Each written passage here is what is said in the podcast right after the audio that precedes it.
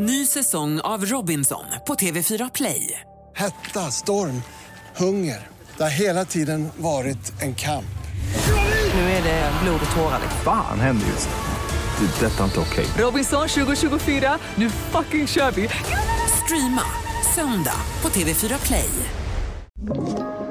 Podplay. Senaste nytt här och vi börjar med att berätta att den svenska grundskolan ska bli helt mobilfri. Det har Tidöpartierna kommit överens om i det uppdaterade avtalet. Inte ens under rasterna ska eleverna få använda sina mobiltelefoner. Vi hör skolministern Lotta Edholm. Ja, vi vill ju uppnå att barn eh, får lättare att koncentrera sig, att de rör på sig mer, att vi får bort nätmobbningen åtminstone under skoltid.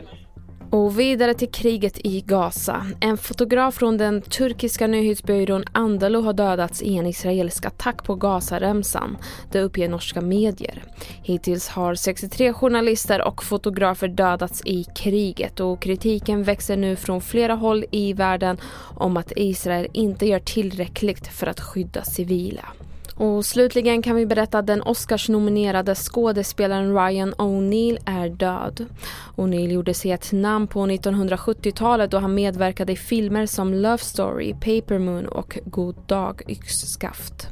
Skådespelaren blev 82 år gammal. Det var det senaste från TV4 Nyheterna och jag heter Merim Jamil.